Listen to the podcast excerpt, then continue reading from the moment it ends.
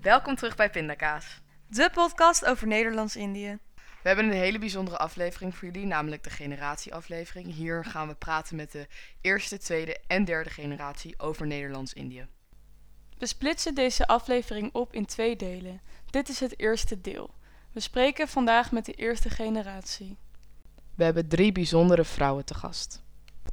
Onze eerste gast vandaag is Lieke Vijand.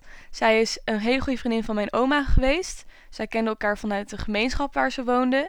En eh, kregen deze band omdat ze alle twee buitenkamper bleken te zijn. En ze komen ook nog eens uit hetzelfde jaar, namelijk 1932. Dat maakt ze nu 88 jaar oud.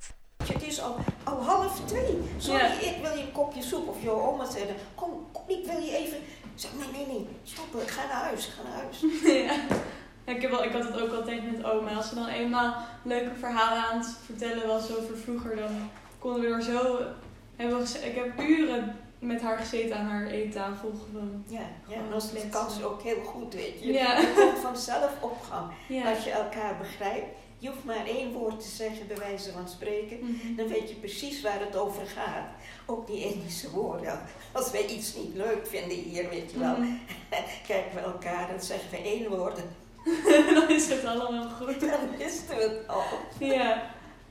Dus eh, we hebben samen ook veel lol gehad op die manier. Lieke is Indo en komt van het eilandje Biliton onder Sumatra. Ze heeft daar gewoond tot de Tweede Wereldoorlog als jong meisje. Haar moeder is al voor de oorlog overleden en haar vader vocht voor het kniel en is al vroeg in de strijd tegen de Japanners overleden. Haar vader was gelukkig hertrouwd voor de oorlog, waardoor de stiefmoeder van Lieke haar zusjes en haar broertje door de oorlog heen kon loodsen. Wij gaan nu luisteren naar Lieke haar herinneringen aan Nederlands-Indië en als repatriant in Nederland.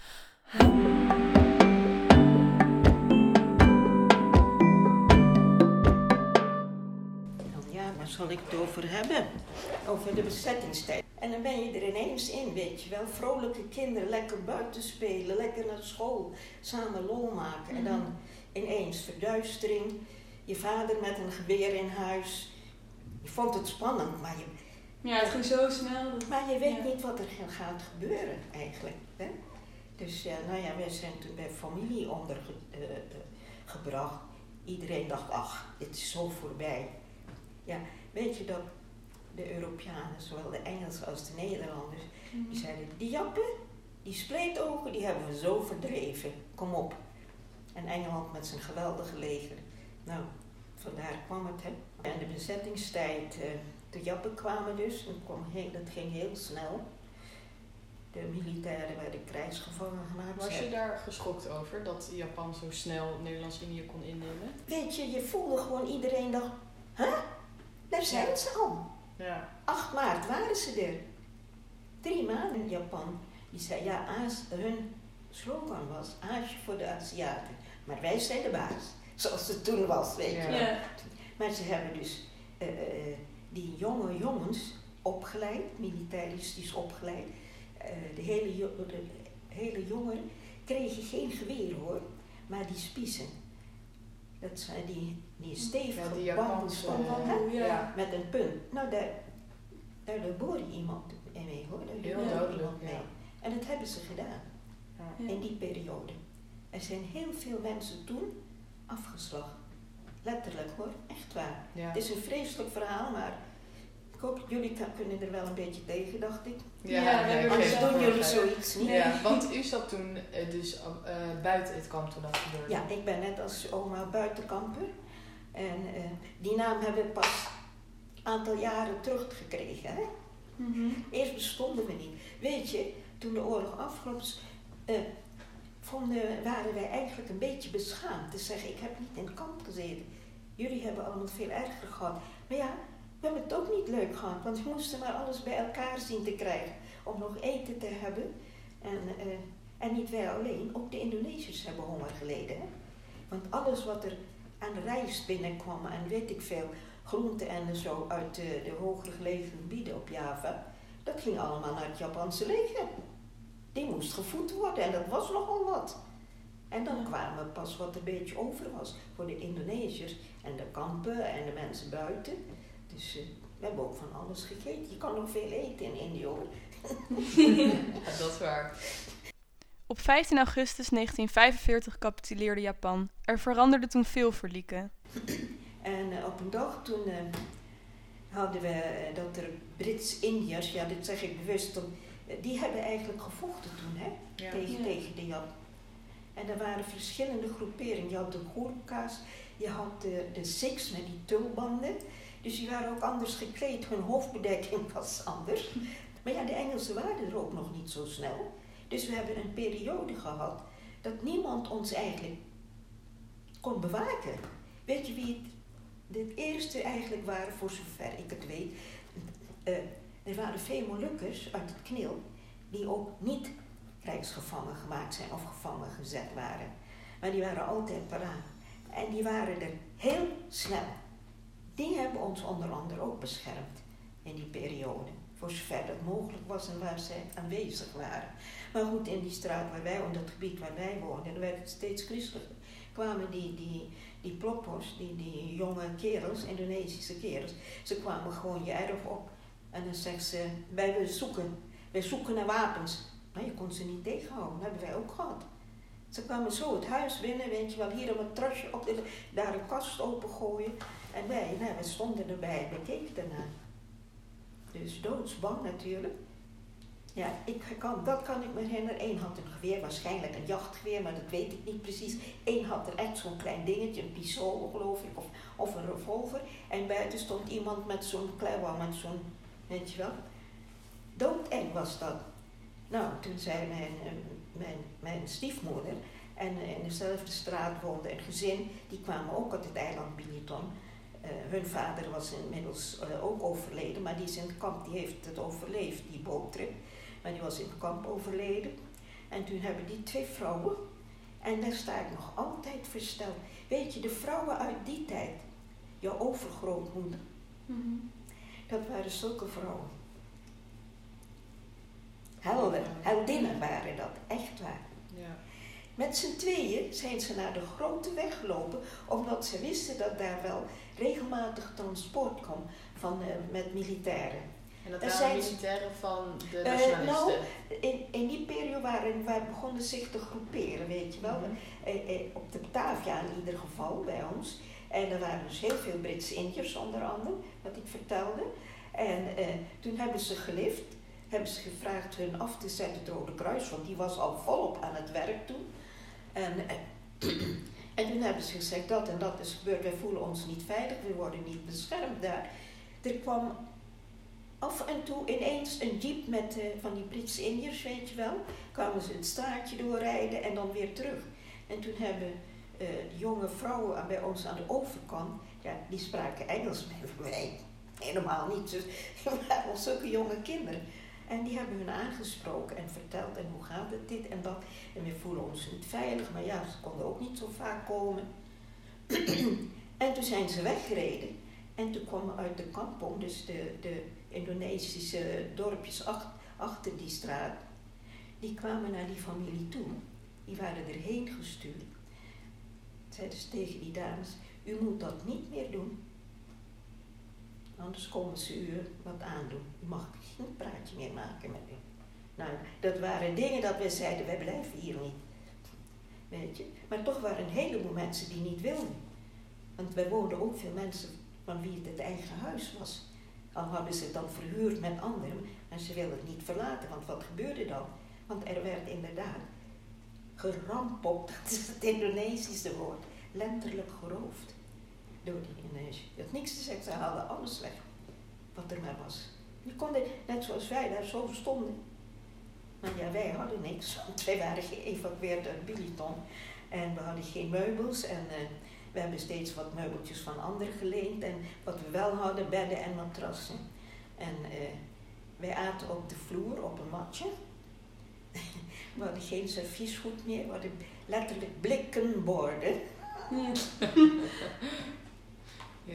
En dan aten we zo in het kringetje. En mijn moeder en wij vijf kinderen. En stond in midden, midden stond het eten. En dan En handen wassen en wel met een lepel. We hadden nog lepels. Ik weet niet waar vandaan, maar goed. En, eh, en wij vonden het altijd zo interessant om net als de baboe, om zo met je hand te gaan eten. Zo. Ja. Dat mocht niet van mijn moeder. We mochten niet zo ver zinken water al op de vloer. Maar dan wel netjes met een lepel hoor. Maar goed, dus eh, nou, toen zijn we opgepikt met alleen onze kleding en, en de matrassen. Ja, de bedden konden we niet mee, meenemen. Allemaal op de truck met dat andere gezin, weet je wel, met mijn moeder samen mee naar het Rode Kruis was gegaan. En toen werden we naar een wijk gebracht. En eh, daar waren, het was een, een, een mooie villa-wijk, noem ik dat maar. Grote Indische huizen, waar rijke mensen hebben gewoond. maar die waren in een kamp terechtgekomen en die waren nog niet terug. Of waren misschien al regelrecht naar Holland. Maar goed, wij werden daar gedumpt. Neem je spullen maar mee, zoek maar een kamertje. Nou, daar waren al mensen, dus we waren al een groot huis met veel kamers. En, een, en een, een, dat noemden wij een paviljoen. Die grote huizen hadden vaak een woning ernaast, weet je wel, gekoppeld. En dat noemde je dan een paviljoen. Toen hebben wij een kamertje in, die, eh, in dat paviljoen gezocht. En die, en andere familie in het hoofdgebouw. En nou ja, matrassen op de vloer. Maar voordat wij die kamers in konden, de ploppers hadden dat ook leeggeroofd. En de bezetting hadden die jappen erin gewoond. Die, die hadden in die villa's in beslag genomen, zijn daar gaan wonen. En wat die ploppers gedaan hebben op zoek naar wapens, juwelen, naar geld en ik weet niet wat. Ze hebben matrassen die er lagen, eh, bankstellen, die hebben ze allemaal opengesneden om daar te zoeken dat daar iets verstopt was. Dus wij kwamen daar en er lag zo hoog lag er kapok. Want we hadden daar allemaal kapokmatrassen. Hè? Oh ja, dus wat eerste wat wij moesten doen, wij wilden deze kamer wel hebben, alle kapok naar het erf in de fik gestoken. Nou, dan was die kamer vrij, aangeveegd, matras op de vloer. En toen langzamerhand, het was ook onveilig, wij konden alleen maar dus dat kleine stukje onze straat en even daar verderop nog een straat. En daar waren ook allemaal mensen naartoe gebracht, allemaal uit verschillende hoeken waar het onveilig was. Dus die straten met die grote Indische huizen waren allemaal bezet. Maar naderhand was het dus, eh, dat stuk werd dus eh, opengesteld, was ve- beveiligd, want er kwamen veel meer Brits-Indiërs enzovoort. Wij kregen ook onze eerste rations. Dus kreeg je kaas, meel, chocola, oh, pindakaas. Drie jaar, nou bijna vier jaar niet meer gehad, snap je? Dus, oh, ik zie die kaas nog, dus niet echt zoals hier die hele, maar het waren kazen, kraftkaas was dat het merk, en het zat in, in, in z- dik zilverpapier of zoiets, en dan zelfs in kleine kistjes. Dus dat maak je open, dan komt het eruit. Kan je lekker, oh, we hebben onze vingers er weer op gezeten. Want hoe lang hebben jullie daar gewoond? ik heb in dat huis gewoond totdat ik naar Nederland ging in 1950. En wanneer en hoezo gingen jullie op een gegeven moment naar Nederland? Nou ja, dus toen, me- eh, eh, nou ja, ik ben daar blijven wonen, zoals ik al vertelde. Eh, nou ja, toen gingen mensen weer op terug, de mannen kwamen en die moesten weer aan het werk. Dus het huis werd een beetje minder gevuld. Maar wij hebben nog altijd alleen, we hebben toen alleen een kamertje gehad. En toen overleed mijn stiefmoeder en eh, ja, toen waren we daar, moesten een voogd hebben, die woonde niet bij ons in de buurt. Dus we hebben, zoals ik zei, eh, min of meer voor onszelf gezorgd. En we gingen allemaal nog naar school. En daar op de achtergalerij, zo noemden wij dat dan, waar de keuken en de badkamer, dan had je zo'n galerij. En ieder had zijn plekje om daar te koken. Dus wij ook. En eh we gingen naar school en eh, als we terugkwamen, we hadden een baboe. Die maakte de kamers goed, die waste onze kleren en dat was zo droog, die streek ze ook. En dan had ze een, een, een bak rijst gekookt, dat was alles. En dan kregen wij, je weet ook wat een randtang is, die weet wel die bakjes die je zo opstapelt voor Ja. eten. Nou, dan had iemand voor ons gekookt, dat kon je later doen, zoiets. Nou ja, en dan gingen wij eten. Wij, wij gingen, we kwamen bijna allemaal tegelijk thuis. Hè. Vroeger had je dus niet al die verschillende vakken, je had dit of dat, maar je kwam bijna allemaal op dezelfde tijd thuis. Nou, en dan aten we met ons vijven. En dan deed de baboe ook nog de afwas. Ging ze naar huis. Nou ja, en dan verder gingen wij huiswerk maken. En eh, s'avonds uh, uit een boterhammetje. Met kochten het brood, we kochten beleg in de toko, dat komt toen dus alweer. En zo hebben we het gedaan tot wat we in 50 vertrokken. Keek je er naar uit om naar Nederland te gaan, daarheen te verhuizen? Ja, Ja? Ja. want wat, wat hadden wij met z'n vijven? Geen ouders, hè? geen toekomst was er. Wij moesten, wij waren, we moesten eerst dus iemand hebben die ons daar eh, wilde opvangen. En ja, we konden misschien via eh, het, eh, hoe heet dat, gesticht noemden ze dat vroeger, weeshuizen of wat dan ook. Dat we daar, maar dat wilden wij niet en de familie ook niet. Die dacht, nee, dat niet, dat in ieder geval niet. Laat die kinderen alsjeblieft ergens komen waar ze bij elkaar kunnen blijven en een behoorlijke normale ja, leven leiden. Want wij toen het toch min of meer ook leiden. Al was het dan met elkaar, maar toch. Hè? Dus, eh, maar eh, toen, ja, toen mijn de jonge broer van mijn vader dus eerder ging. En toen zei hij, nou zodra ik er ben, ga ik er achteraan. Ik ga huisvesting vragen, maar dat was ook nog moeilijk. Hè? We hebben verschrikkelijk gewoond in het begin van, van onze tijd hier in Nederland. Maar eh, omdat ik jullie vijven opneem, moeten ze mij een huis geven. Ja, het heeft wel even geduurd. En wat je dan kreeg was ook niet zo geweldig. Maar goed, dus dat heeft hij ook gedaan. En eh, nou, toen heeft dus de Beatle-maatschappij tickets voor ons gekocht voor de boot. En we hebben geen luxe reis gehad hoor. Het was echt een schip waar dus heel veel repatrianten, zoals ze ons noemden. Dus wij konden toen vertrekken. Nou, helemaal geen luxe boot met een heleboel mensen dus naar Nederland. En het grappige was, we gingen dus met z'n vijven alleen. en die voogd van ons, die eh, broer van mijn stiefmoeder, die wist wat er ook eh, leerkrachten, want ja, ook Nederlandse scholen werden opgeheven. Was maar een klein beetje over en dat heette de concordante HBS. En hij kende die leerkracht en hij zei tegen hem, mijn nichtjes en mijn eh, neefje, die gaan naar Nederland met dat schip. Wil jij een oogje in het zeil houden? En toen zei hij, oh ja, ik ken ze, ik ken ze wel. Ik heb wiskundeles gegeven aan haar en, en aan, die, aan die jongen ook. Dus eh, wij kwamen aan boord. Hij wist ons meteen te vinden en we hebben heel veel plezier met hem aan boord gehad. Oh, hij was een echte lolbroek. Hij kon zulke leuke liedjes zingen. En toen hebben we een hele leuke reis gehad. Maar ik was helemaal niet eh, onder de indruk van ik verlaat Indonesië voor, voor goed. Dat wisten we wel, dat realiseerden we. Maar wat, wat hadden we daar? Het enige leuke wat we nog wisten is van voor de oorlog. Nou, ik moet niet overdrijven. Ik kwam in Nederland. En toen zaten we nog met z'n allen op een kluitje. Mijn oom en tante, die hadden nog twee kinderen in huis. Die waren ook nog niet, eh, nog niet eh, meerderjarig. die gingen ook niet studeren, ook nog. Die gingen ook nog naar school. En eh, die is toen onderhuurder geworden in een huisje. Eh, dat was een eensgezinswoning, maar echt niet zo groot. Eh, beneden hadden ze dus zo'n doorzonkamer, zal ik maar zeggen, en een keukentje en een toilet. En daar woonde de familie. Die hadden twee hele jonge kinderen nog. En eh, hij, was toen, hij had toen al de rang van kapitein in het leger. En hij studeerde nog in, in, in Breda, geloof ik, voor hogere rang of wat dan ook. Hij schreef later een vrij hoge rang bereikt. Heb ik wel, dat hebben we nog wel geweten. En die verhuurde dan de eerste etage. Die had natuurlijk boven die woonkamer twee slaapkamers. En boven hun keuken, een kabinetje noemden ze dat, een klein kamertje, een toilet en een badkamer. Met een lichtbad en douche met een gijzer. En van die badkamer hebben ze tevens een keuken gemaakt voor de onderhuurders voor ons. Zo. Weet je? Dus aan die wand daar hadden ze een aanrecht gemaakt. En aan deze kant van de wand had je dus het bad met de douche. En nou, ja, dan mochten mijn, mijn tante kookte daar. En eh, nou ja, die, die, de voorste eh, slaapkamer was voor ons woonkamer, tevens slaapkamer. En op zolder twee hele kleine kamertjes. Nee, was voor, ons om te slapen.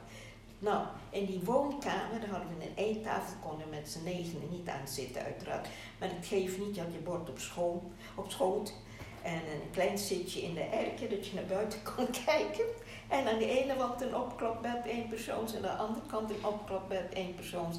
Daar sliep mijn neef en mijn broertje. Dus s'avonds gingen die dingen omlaag ochtends op tijd opstaan, iedereen ontbijten, opklok bij de omhoog, dan kon je tenminste weer op de tafel lopen. Ja.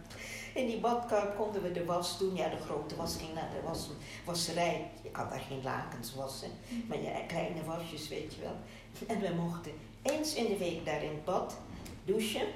En eh, de familie ook, die wilde ook eens in de week dus dat bad gebruiken. En dat wisten, vaste dag. Dan moesten wij dus die keuken uitzorgen dat we daar niet kwamen. Dan ging de familie baden. Nou, gek hoe dat gaat dan. Maar wel mooi dat het kan.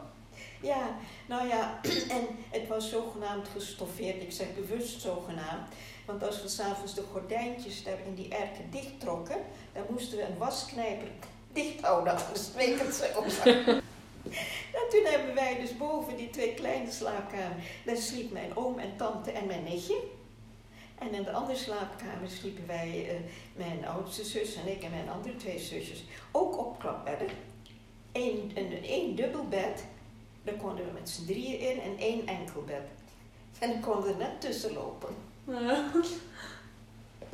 Dus dat was ook zo, s morgens opstaan, even alles uitkloppen, opmaken, opklappen.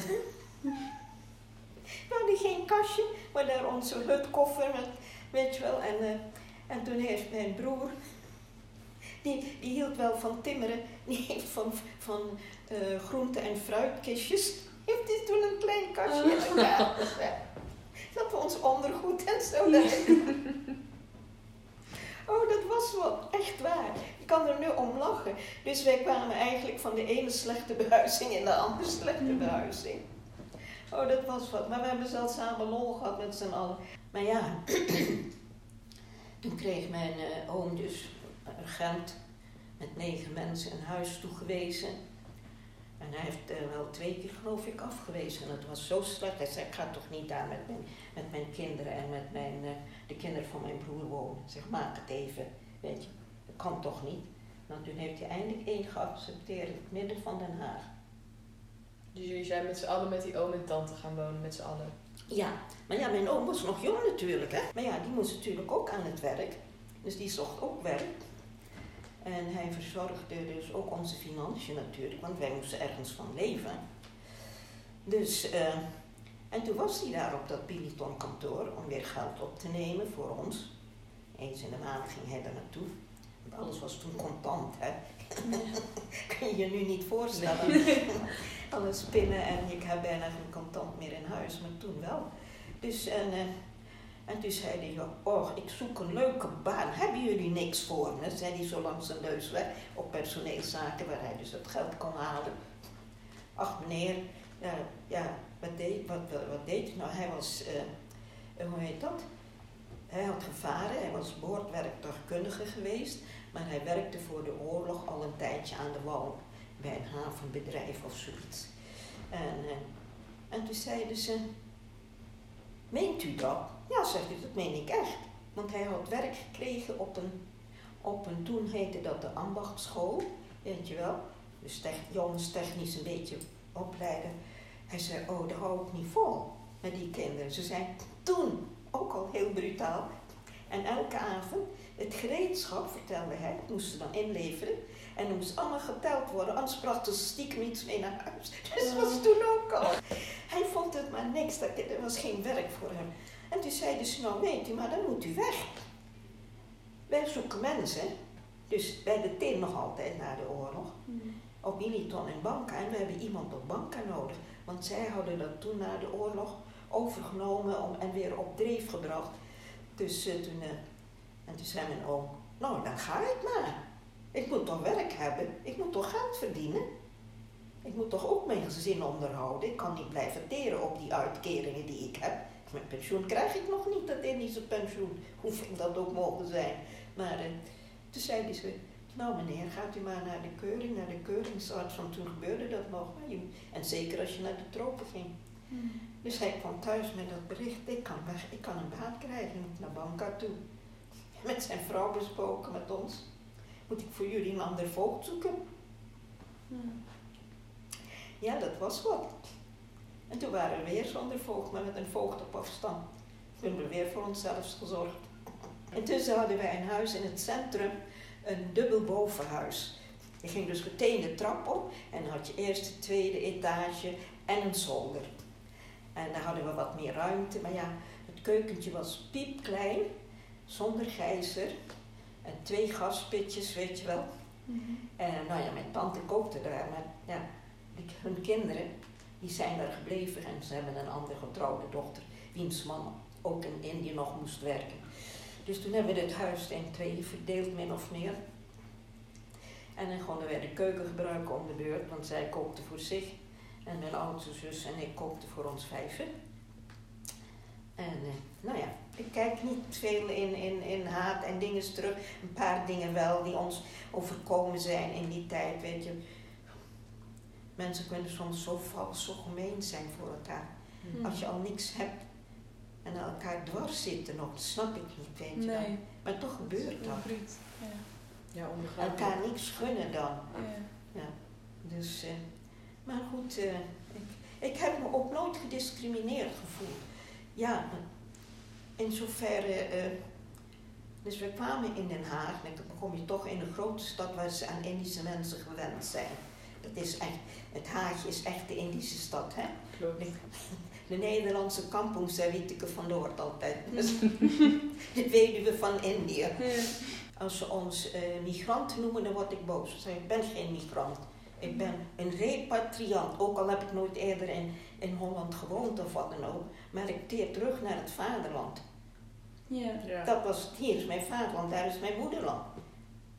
Weet je wel? En hoezo voelde dat dan? Zo? Zo voelt dat bij mij. Maar dat komt omdat je zo erg opgegroeid was in Nederlands-Indië met Holland als Ja, vaderland? ja, joh. Wij waren zo koningsgezind, schijn uit.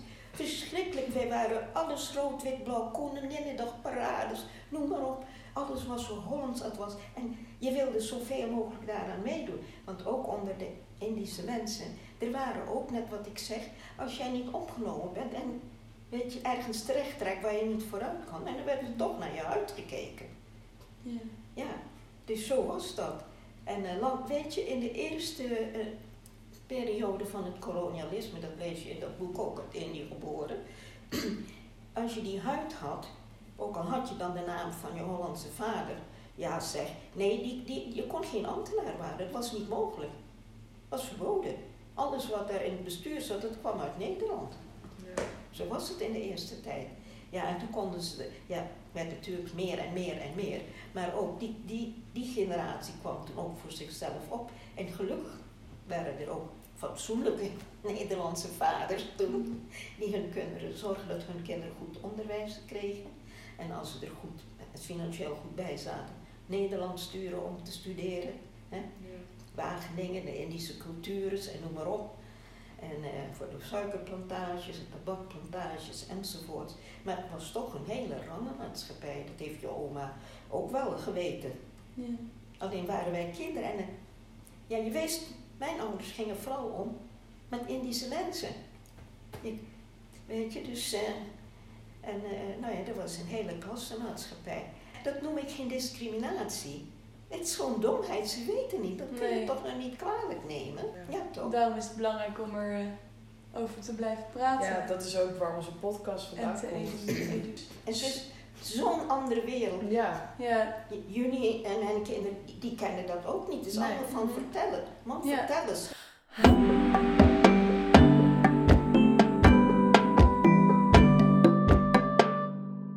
Onze volgende gast is Lily Touwen. Ze is totok en geboren op Jakarta in 1926. Dat maakt haar nu 94 jaar oud.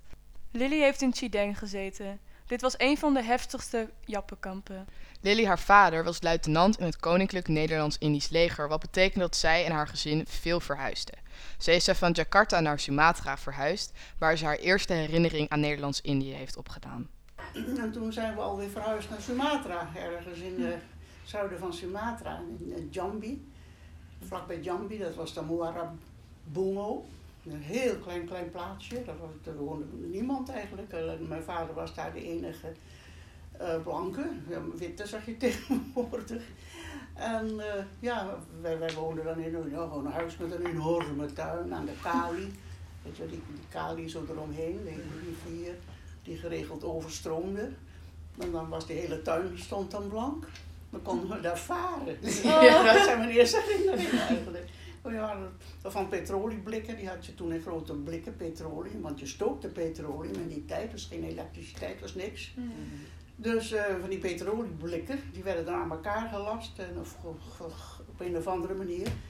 En dan konden we dan door de tuin op varen met roeispaantjes en zo. En dan dus zwommen de visjes over de galerijen.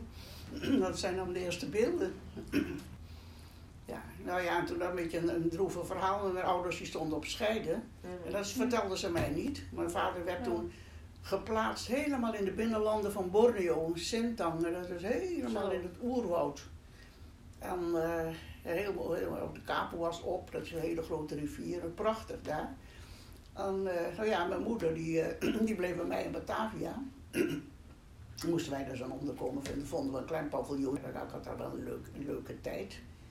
En eh, vooral in de, ja, in de vakanties ging ik ook wel naar mijn vader met die, met die hekwieler. Dat was zo, zo, weet je wel, kijk die boten met die, zo'n raderboot. Oh, maar dat is zo'n ja. kleintje, dat noemden ze een hekwieler vroeger daar, een heel klein bootje. Dan kon je dan de Kapoas varen, nou, dan deed je drie dagen over voordat je er eindelijk was. En dan kwam je door, door dat oerwoud. Dan zag je zo'n krokodillen aan de kant liggen. Ik vond het machtig interessant. Oh. Erg leuk. Ja, met die bek zo open. Ja, en dan zag ik soms de kleine vogeltjes in en uit die bek. Oh, heb je dat verhaal wel eens gehoord? schoonmaken? Schoonmaken, ja. Ja. Dat heb ik gezien. Dat heb ik gezien. Ja. Van dichtbij heel leuk. Ja. Ja. Nou, en, eh, en een keer kon ik niet terug, want toen stond het water in de Kapo was zo laag, dat ik kon niet terug. En toen moest ik, moest ik ongeveer een maand van school missen. Lekker extra vakantie. Ik Ja. vond het wel leuk, en verlengd. Toen, toen ging ik weer gewoon naar school. En op een gegeven moment komt er een meisje op een, op een dag zomaar de klas binnenrennen van oh, oh, oh, het was te laat, maar ze kwam weer, oh, ze had de radio, ze had op de radio gehoord, ze in Duits, in, eh, Duitsland had Nederland, was, had Nederland bezet. En eh, nou, dat was een heel gedoe. En toen hadden we net Duits. Er was een juffrouw die Duits gaf, die gaf ook Nederlands. Maar die werd gewoon uitgeduwd. Nee, we willen geen Duits meer. Ze werd gewoon de klas uitgestuurd door ons. Wat zielig eigenlijk. Maar ja, eh, toen werd het inderdaad het Duits. Ja, dat was zo plotseling. ja, het Duits werd afgeschaft. Ik vond het eigenlijk wel jammer. maar ja, ik kan me wel voorstellen. Maar de, dus hadden we geen Duits meer. Oh ja, we hoorden helemaal geen berichten meer. Het, het was helemaal, helemaal stop, joh. je hoorde er niks meer van. Ja, en eh, nou nog niet eens lang daarna, toen eh, plotseling het bericht van Pearl Harbor, dat de Jappen, maar er was al eh, sprake van hoor, er was, men was er al bang voor. Er gingen overal geruchten van dat, eh, dat, dat, dat ja, Japan loerde op de hele Pacific. Dat, dat, dat gerucht dat ging. Maar een heleboel zeiden, nou, dat zal wel, eh, jawel, zal wel, wel meevallen. En die waren dan optimistisch. En ja, die zeiden, ach nee, dat kunnen die Jappen toch niet. Dat, zei nee, dat, dat zouden ze niet kunnen. Maar, nou, op een gegeven moment ook plotseling dat bericht dat Pearl Harbor was eh, gewoon plat gebombardeerd. En eh, ja, en toen plotseling ging het ja, ging, het ging heel, heel vlug. Dat ging allemaal zo eh, dat ik het niet meer precies die volgorde weet. Maar we hadden geen school meer. We werden eerst ergens anders ondergebracht, want werd meteen er werden de mensen opgeroepen, eh, eh, weet je wel, voor de, ja, voor de weerbaarheid, voor het leger. En ook, ik weet het niet, maar het, eh, die school was nodig. Eh, dus mannen werden opgeroepen om, om daar, dus, daar in, die, ja, in die scholen. En toen werden we in allerlei dependances en, in, en, en later bij huizen, bij mensen thuis. En werd er nog een beetje les gegeven. Nou, dan plotseling. toen was het zover, toen bombardeerden die Japan eerst Tarakan. En eh, olieopslagplaatsen. Helemaal plat gebombardeerd. Dus dat is een, een Borneo. Mijn vader zat op het moment ook nog in Borneo, maar in Pontianak. Dat is daar de hoofdstad van West-Borneo, Pontianak. En eh, toen kregen we plotseling, toen was Jap al, ja, die was al, al, al, al- nee die was er nog niet, maar die had Tarakan gebombardeerd. En toen Pontianak, waar mijn vader zat. En toen kregen we, toen, over de radio hoorden we notabene, Pontianak gebombardeerd. En de eerste bom viel op het huis van de plaatselijke commandant. En dat was mijn vader. Dus wij schrokken wel, schrikkelijk. Ja, die zou, die nou, zou die dood zijn, zou die er nog zijn? En toen kregen we een telegram van hem. Van alles is ook alles oké. Hij stond net in de tuin, dus op een middag, zo ergens in de middag. En eh, toen is zijn jongens, zijn de huisbediende, die is er nog. Uh, nou, mijn huis ging meteen in de vlammen, maar de achterste gedeelte nog niet. En dat was zijn kamer. Dus zijn huisbediende heeft nog zo een koffer van hem eruit kunnen slepen. Dat was alles wat hij had. Alles, alles, alles, alles kwijt. Helemaal, helemaal. eh. en daarachter was een Chinese wijk en daar vielen de meeste bommen, zeg. Ja, het was heel, een hele grote Chinese gemeenschap in West-Borneo. Vooral in Pontianak. Heel veel Chinezen woonden daar. Nou, in die wijk werd, daar vielen nou toevallig de meeste bommen. En ze hadden het verkeerd gemikt. Ze hadden, allemaal op de, ze hadden het allemaal op, de, op, de, het kampement, op de, op weet je, op het garnizoen willen mikken. Dat was grotendeels daarnaast. Nou, mijn vader is toen... eh, ja, toen moest het... eh, toen moesten ze eigenlijk allemaal maar eh, ja, eh, een beetje onderduiken, of zeg maar zeggen. Maar mijn vader is binnenland ingetrokken met een stel mensen. En daar hebben ze nog een beetje proberen een guerrilla, ook guerrilla-oorlog te voeren. Maar dat, oh, dat ze werden direct verraden door de Indonesische bevolking. Want die was eigenlijk door allerlei propaganda van de Jappen... waren daar een heleboel al op, eh, ja, op de hand van de Jappen. Omdat die had, hadden beloofd dat een groot Azië werd hun beloofd. En zij mochten daar een geweldige rol in spelen. Natuurlijk allemaal flauwekul. Ja, eh, eh, zo, eh, ja, dus ze werden, meteen verraden in ieder geval. Toen is mijn vader krijgsgevangen gemaakt, en vervoerd naar een heel groot krijgsgevangenkamp in Sarawak. Dat is in Brits Borneo, wat, eh, dat heet nu Sarawak, ja. Dat heet altijd al zo, geloof ik. Ja. En daar waren hele grote eh, kampen voor- eh, met eh, Australiërs, eh, Amerikanen, ja, al onze bondgenoten, die, overal, die werden overal krijgsgevangen gemaakt waar de Jap, Jappen het, eh, het, ja, wat ze hadden veroverd. En Australiërs, die waren ja onze bondgenoten. Want zodra er die eh, bom op Pearl Harbor viel, hebben wij ook Japan de oorlog verklaard. En ook Engeland en Amerika en alles. Weet je. Dat waren dus onze bondgenoten.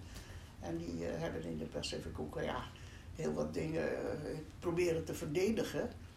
En als ze dan toevallig, ja, wij hadden ook Australiërs in, de, in, het, eh, in, in Batavia rondlopen. En die werden meteen door de Jappen ook krijgsgevangen gemaakt. Maar die moesten dus werkzaamheden verrichten. Eh, grote vrachtauto's werden ze dan geladen. En dan moesten ze ergens een straat openbreken of maken. Of in ieder geval werkzaamheden. Nou, wij mochten ze toen nog wel, wel ja, mochten ze nog wel spreken. Ja, onder, onder streng toezicht van de Jap mochten we ze wel eens een pakje sigaretten geven of zo.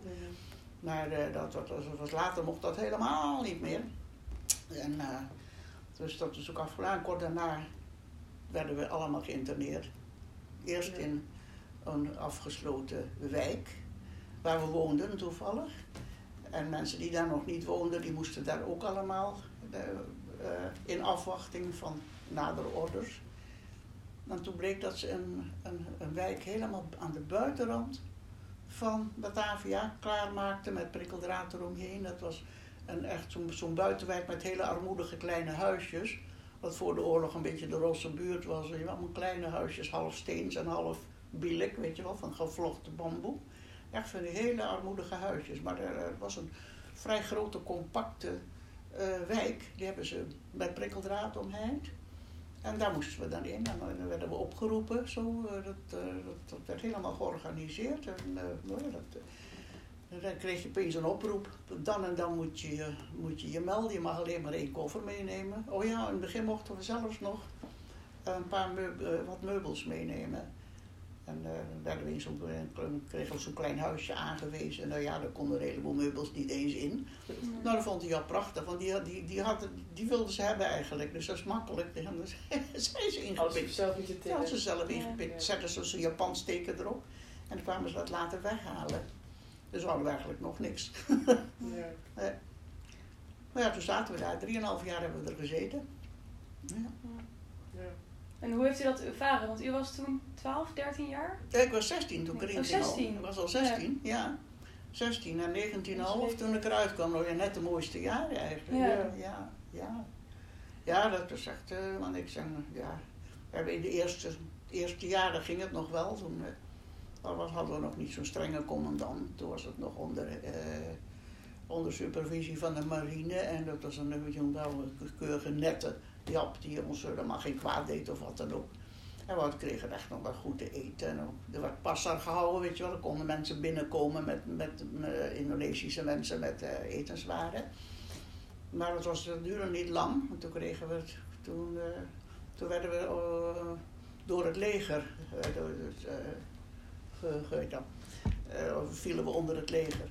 En nou, die tweede, de tweede commandant geloof ik die we toen kregen. En dat was een, nou, een spreekwoordelijke sadist. Dat is heel, die is heel bekend, Sonne uit Chideng. Mhm. Dat was een hele, een hele gemene, wrede man. En hij was maanziek ook. Dat is, als de volle maan eh, opkwam, dan werd hij helemaal gek. En dan ging hij alles in elkaar slaan, vrouwen. En ook op, kwam hij bijvoorbeeld de gaarkeuken binnen die we toen hadden. Mhm. Nou, en eh gooide die, en was die oersterk, dan gooide die de drums om en, en, en sloeg vrouwen, nou, de, tot, nou ja, er zijn een paar overleden later zelfs. Hij kon slaan en schoppen en, en vreselijk. Dat was een hele, die laatste anderhalf jaar was vreselijk. Ja, vooral de laatste twee jaar. Het eerste jaar, dat ging, ging nog. Ja. Maar we hebben het heel erg gehad, dat ik wel zeggen, ja. ja. Ja. Op het laatst. Ja, op het laatst gingen er iedere dag zo vier, vijf, soms meer doden naar buiten, naar buiten gedragen. En dan wat er ermee gebeurde, daar kon, hadden wij niks over te zeggen. Nee. Nee, we hebben helemaal niet geweten, hebben niet geweten wat er allemaal, alle- allemaal is gebeurd. Ja. Het was toch zo dat de, in die kampen dat iedereen een taak kreeg? Want al die kampen moesten toch... Ja, Zelf ja, er werd, al- iedereen moest wel werken Ja. voor, voor zijn eten, maar we kregen, kregen soms helemaal geen eten, ook al moesten we werken. Mhm. Ja, ik, eh, ja, ze zochten ster- sterke jonge meisjes uit om eh, de sjouwploeg wat zware werk te doen. Mhm. En daar was ik ook bij. Ik was 16, ik was groot voor mijn leeftijd en sterk. Ik werd ook aangewezen van de sjouwploeg, die dat, heette daar, ik weet niet hoe dat... Japans heb ik nooit geleerd, alleen tellen en scheldwoorden. De belangrijkste. ja, die kregen we dan aan ons hoofd geslingerd. Ja, maar goed, eh, oh ja, en tellen natuurlijk, omdat we ja, iedere dag, moet nagaan, iedere dag hebben we moeten aantreden. Kompoelen heette dat. Mhm. Elke dag aantreden. In blokken waar je woonde. Wij woonden in blok 4, dat was dan zo ingedeeld. En dan stonden we daarom opgesteld. Nou, dan kwam er zo Jap eraan en die, eh, die, die, ging, dan- die ging dan tellen. En dan moesten we buigen. Dan was Kjatke, moesten we in de, in de houding staan. Kere, moesten we buigen. Oh, en we deden het nooit genoeg. Als iemand niet goed genoeg boog, dan kreeg hij daar toch wel een aframmeling. En eh, nou, op het laatst wisten, wisten we het wel. en nou, en op, nou, Ray was dan op, weer omhoog komen en Jasmee was dan in de rust. Maar dan mochten we nog niet weg. We mochten, moesten soms uren blijven staan in de zon, in de gloeiende zon. En soms vielen er een paar mensen flauw, joh. Dus ze erg lang moesten staan, de ouderen en zo. Ja, dat is erg, joh. Ja, zeiden ze hier in Holland later, nou, jullie hebben, wij hadden het hier veel erger dan jullie. Maar jullie hadden daar tenminste nog de zon. Ik zei, ja, leuk hoor, de zon. Dan moest je urenlang instaan tot je, tot je, Tegen je tot je er neerviel. Ja. Ja. Ja, goed. Dus, eh, maar ja, op het laatst was het, waren we helemaal apathisch. Toen dachten we, nou moet het niet lang meer duren, want we gaan allemaal dood. Want iedere, iedere dag waren we weer doden. Uit hongerudem, weet je wel, dat ging je zo opzwellen. Mhm. En allemaal water, water in je lichaam. En als het dan bij je hart kwam, dan was je dood. En het gebeurde zoveel. Nou, op een gegeven moment, eh, toen eh, was het dan... Ja, ik moet ook nog één, één ding vertellen. Het was het toppunt van sadisme, Sonne, die commandant. Die, heeft, eh, die was, werd altijd maar, was altijd maar boos. We deden nooit iets goeds. En we, eh, en, eh, hij had ons verdacht van, van smokkelen over het gedek. Dat heet dan die afscheiding, weet je wel. Daar heb ik aan gewerkt.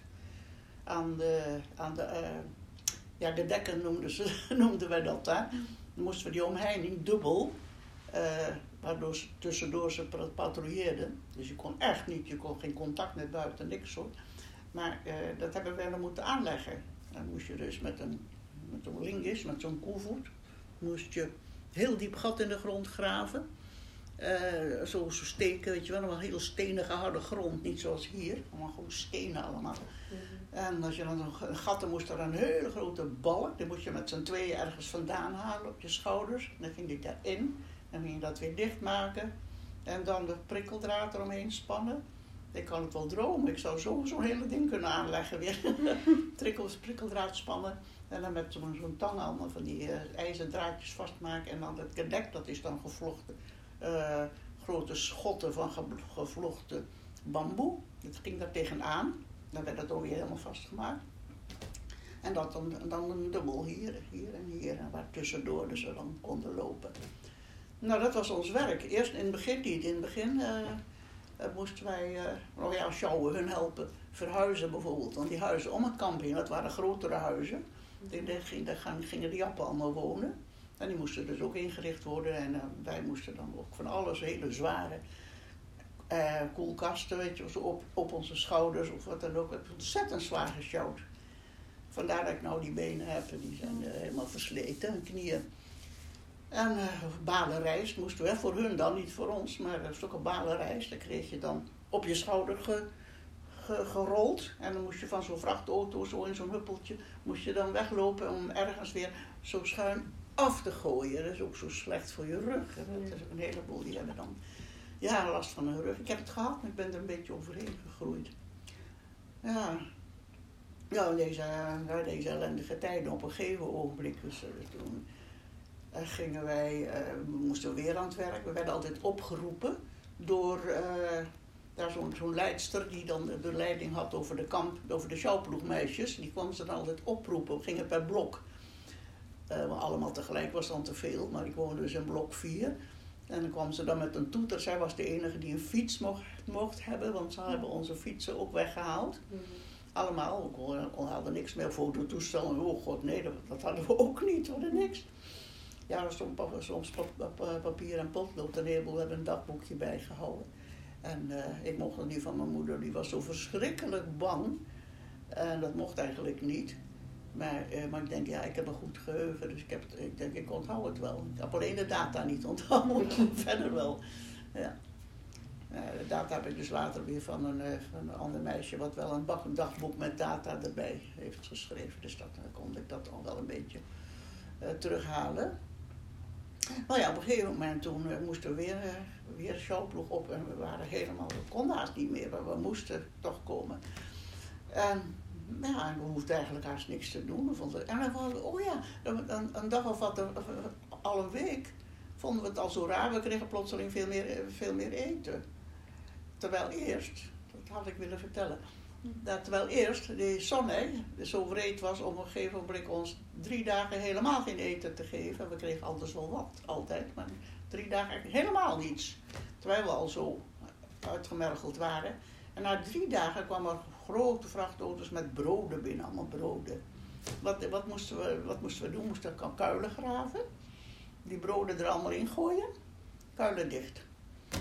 Ja, toen mochten we, dat is echt, nou ja, het was een pesterij gewoon. Een paar kuilen dicht, moesten dicht. En daar niemand durfde maar een stukje brood te pakken of, of zo. Oh nee, want dat zag, die, had, die, die zag alles. Het was een soort helderziende. Die zonne die zag het. Daar waren we veel te bang voor. Dat deden we dus niet. Dus wij inderdaad alles maar weg. Weet je wel, dat zand weer over die broden gooien en zo met schoppen.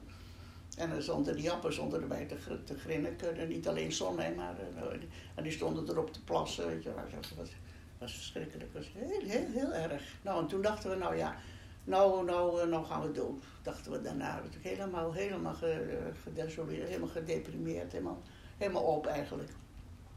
En toen kregen we kort daarna kregen we opeens heel veel binnen. Er kwam opeens veel, veel meer rijst binnen.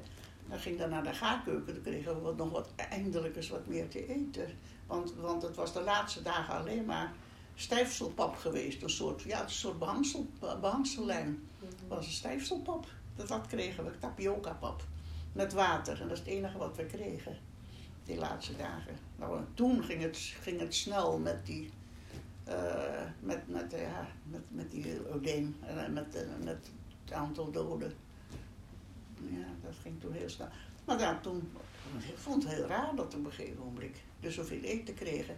Toen dachten we, durfden het haast niet te denken. Oh, zouden, zouden, zouden, zouden ze verloren hebben, zouden we vrij zijn, zouden geallieerden, want daar hebben we alsmaar op gewacht natuurlijk. Zouden, want Amerika zou ons wel redden en zo, dachten we toen. Mm.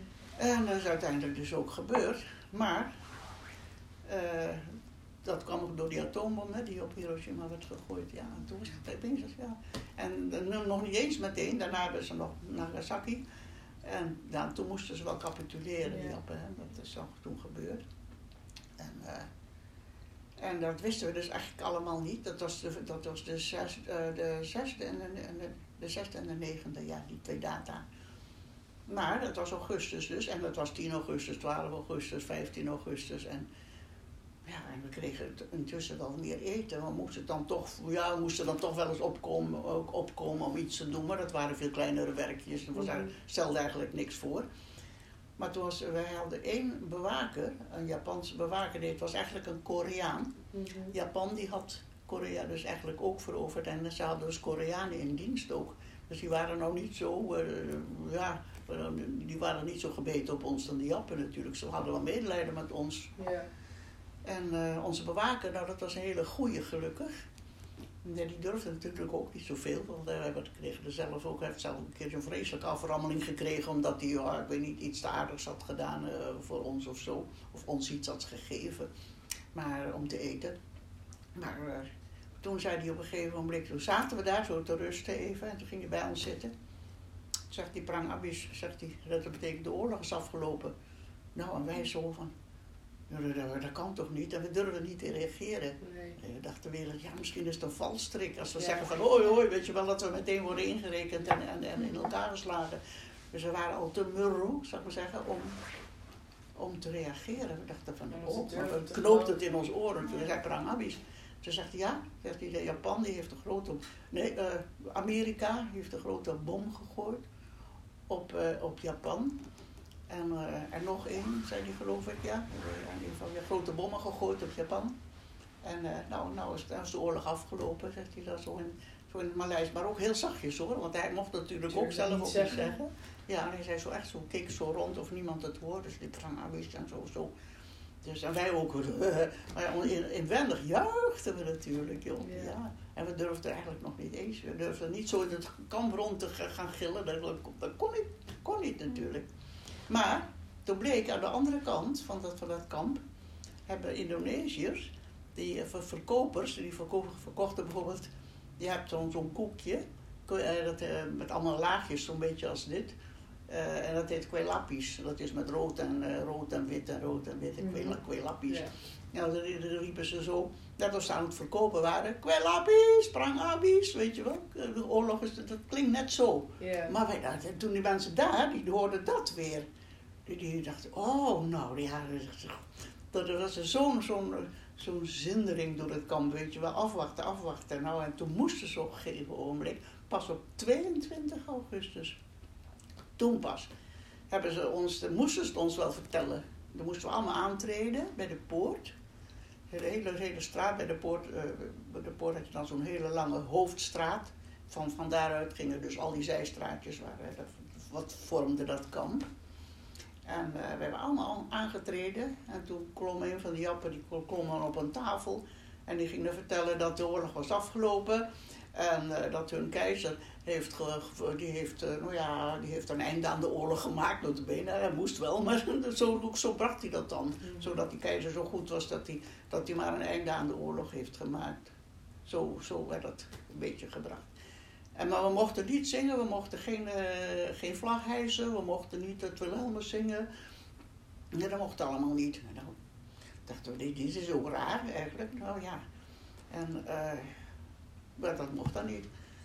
Dus we moesten in het kamp blijven. En waarom? Omdat buiten de Indonesiërs opgejut al die, al die jaren. En vooral die, een, een groep jongeren die wilden dus in dat Indonesië, Indonesië vrij kwam. En dat wij dan van zouden verdwijnen, dat was eigenlijk ook door de Japanse propaganda erin gebracht. Maar zelf vonden ze ook dat ze, dat ze vrij moesten zijn, dat wij weg moesten. Dat, eh, nou ja, dat speelde eigenlijk al lang eh, onder de intellectuelen die dat eh, dus altijd aangekaart hebben. En eigenlijk, ja, dat, is, dat, is ja, dat was de tijd dat al die, al die gekoloniseerde landen, die, die werden zo de een naar de ander zelfstandig. Dus het zat gewoon in de tijd. Dus dat, dat, dat zat er helemaal in. Dat vond dat niet erg. Maar de manier waarop het gegaan is, maar dat is zo'n verhaal, dat doe ik niet. De manier waarop het gegaan is, is, is ontzettend jammer dat het Maar het vervelende is dat die, dat die Indonesiërs echt begonnen te moorden. Dat heeft veel verpest natuurlijk. Die, die opgejutte jongeren meestal. Die, eh, ja, daar hadden ze zelf, ze hadden nog geen leger. Indonesië had eigenlijk nog geen, nog geen leger. Dus ze konden niet ingrijpen. Het was zo'n chaos. Mhm.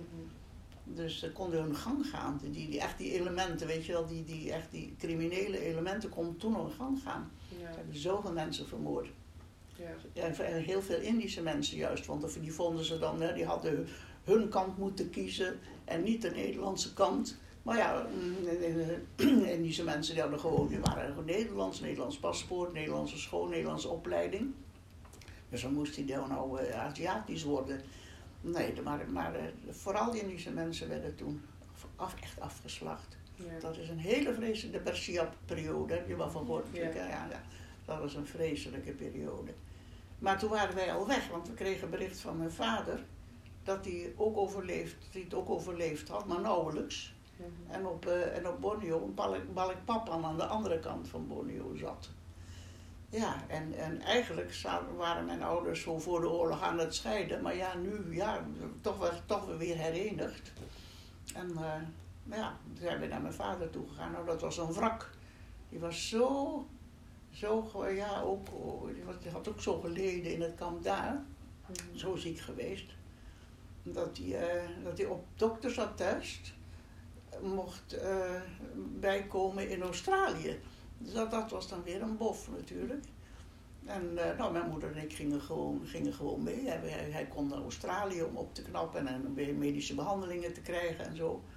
Nou, en wij- mijn moeder en ik stapten ook in het vliegtuig. En toen kwamen we in Australië aan. Ja. En toen zeiden daar de autoriteiten, daar, of waren, we gingen, moesten ons daar ergens melden. Nou, toen zagen mijn vader, oh ja, goed, ja, wat doen jullie hier? Zeiden ze dan tegen mijn moeder en mij. Nou ja, gewoon, we zijn toch, eh, we zijn toch een familie. maar dat was niet de bedoeling, want eh, ja, ze hadden alleen maar mijn vader. Ik zeg maar, maar wat hadden ze moeten doen? Nou, de oorlogen konden niet in Indonesië, of in Indië, of in, het was al Indonesië geworden intussen. Daar konden we niet blijven. Naar Holland was nog geen mogelijkheid om te gaan. Maar ja, dus ze wisten geen, zich geen raad met ons. Dus waar moesten we dan? Toen Dit was echt nog in 1945. Dat was in eh, eind 1945, Ja. ja. ja. Dat was in oktober dat we naar mijn vader toe gingen. Mhm. En in nou, begin december eh, konden we dan naar Australië. Ja. En dat was toen, ja, begin december is hier dan de winter, maar daar is het hartstikke zomer, dat is heet. En toen, dat was heel gek. We hebben nog kerst gevierd in een hittegolf.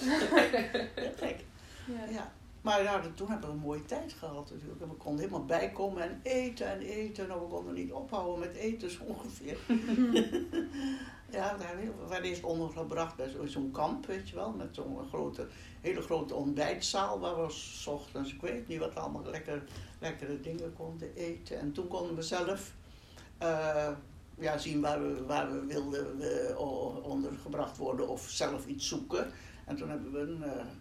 eh, zo'n eh, zo'n zo'n- zo'n hotelletje aan zee hebben we een maand of wat gezeten. In dat is een heel klein plaatsje aan zee. In de buurt van Brisbane was dat. Ja, en, toen werd het op een gegeven moment, werd het, eh, we zeggen, eh zoveel iets van mei, juni of zo. Dan begon het weer koud te worden. Terwijl het hier dan was, werd het daar weer koud. Dus er kwam de winter aan en toen, eh, toen liep het allemaal leeg. En toen eh, zijn we naar Sydney gegaan. Nee, eerst even Brisbane, maar beviel ons helemaal niet. Lelijk daar, een lelijke stad. een lelijke stad, nee, ik heb nooit zo'n lelijke stad gezien. Terwijl Sydney, prachtig is het, zo mooi. Nou, eh, Sydney is aan, in allerlei, aan allerlei baaien gebouwd. En die Sydney Harbour Bridge, dat is een hele, hele, be- hele beroemde, een hele mooie brug. En we woonden aan een van die baaien. Konden we, we kregen een paar kamers bij, bij een mevrouw in een groot huis. Konden we een paar kamers eh, huren. En toen zag ik toevallig een vri- kampvriendinnetje terug. We wisten, we wisten van elkaar niet dat, ze, dat, dat we naar Australië zouden gaan. We wisten, en toen kwamen we elkaar bij de Dutch Club natuurlijk tegen. Nou, en we, we, we trokken heel veel met elkaar op in het kamp. Dus, eh, Wij waren met z'n drieën dan. Dus eh, Anneke en Adrie en ik. Nou, en Anneke wat vond ik daar opeens ook dan in de Dutch Club met haar ouders en haar broertjes. Nou, zeg, dat was enig. Toen hebben we met z'n tweeën Heerlijk met, uh, rond, rondgesjouwd in Australië. We gingen, we gingen paardrijden en we gingen van alles en alles. Een heerlijke tijd gehad. Nou, toen moest het, was het geld op, moest iedereen, iedereen terug. Iedereen moest terug naar Holland. Of nee, in Indonesië kon niet meer natuurlijk, dus iedereen ging naar Holland. Toen zijn we op een troepenschip. Nee, dat was de Volendam, die was ingericht als, als troepenschip. Daar werden we dan in de, ja, in de ruimen moesten we dan slapen op tafels en in hangmatten. Het leek net of, of dat we weer in het kamp terechtkwamen, weet je wel. Maar we hadden wel een goede eet aan boord. Ik had zelfs een baantje aan boord. En, en Anneke ook. En, uh, oh ja. Nou, toen kwamen we in Nederland. Nou, dat viel tegen zeg, want dat hier was net de oorlog afgelopen, alles was nog op de bon. En het was koud. Eind, eind augustus kwamen we aan. Toen was het dus nog redelijk warm, maar toen was het net de koudste winter van, ik weet niet, van de eeuw of zoiets. Het was van 1946 op 1947, die winter. Ja. Het was heel, heel erg streng, heel koud. Er waren geen kolen.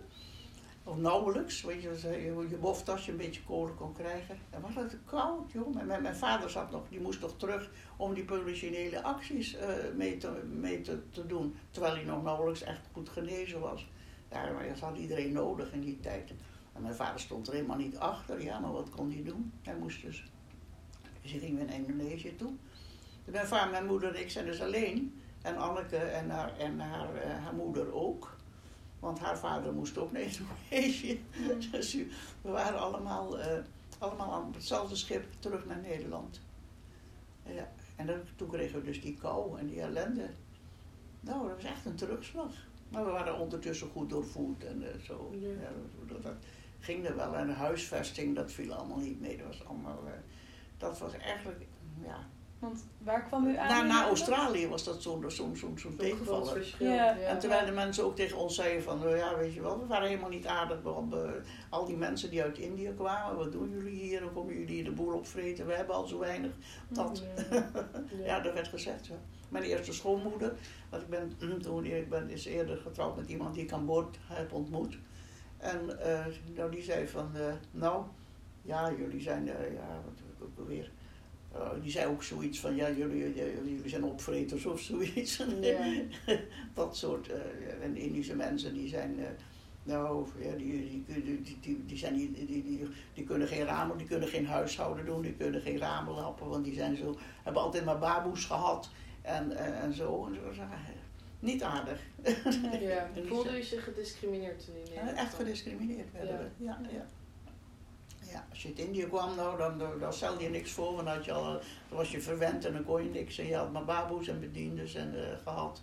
Maar ja, en toen heb ik eens een keertje gezegd tegen mijn schoonmoeder, nou maar jullie dronken toch echt wel uh, heel graag onze thee en koffie. En, uh, ja. nou, nou ik, ik, kon, ik kon geen goed doen bij haar hoor. Nee.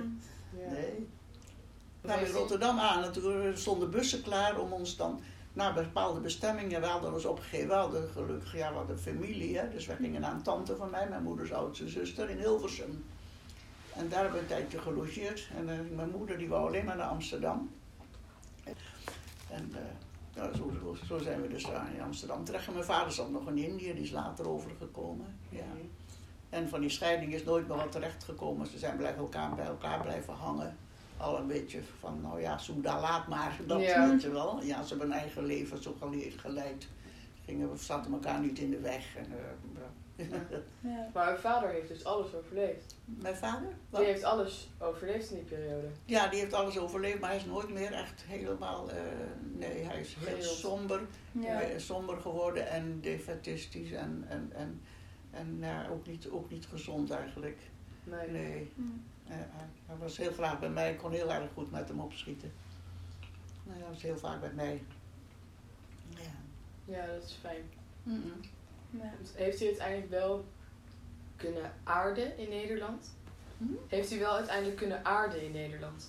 Dat u nu wel heeft van, ik voel me nu wel welkom hier? Uh, nou ja, later, eh, ja, de, de, de, ja, de eerste paar jaar was, was zwaar. Mhm. Maar ja, later is het toch wel weer toch wel weer goed gekomen. Nou, nu vind ik het prettig in Nederland. Ik, ik woon, ik weet, nu woon ik er graag. Ik neem nog zo'n spekhoek op.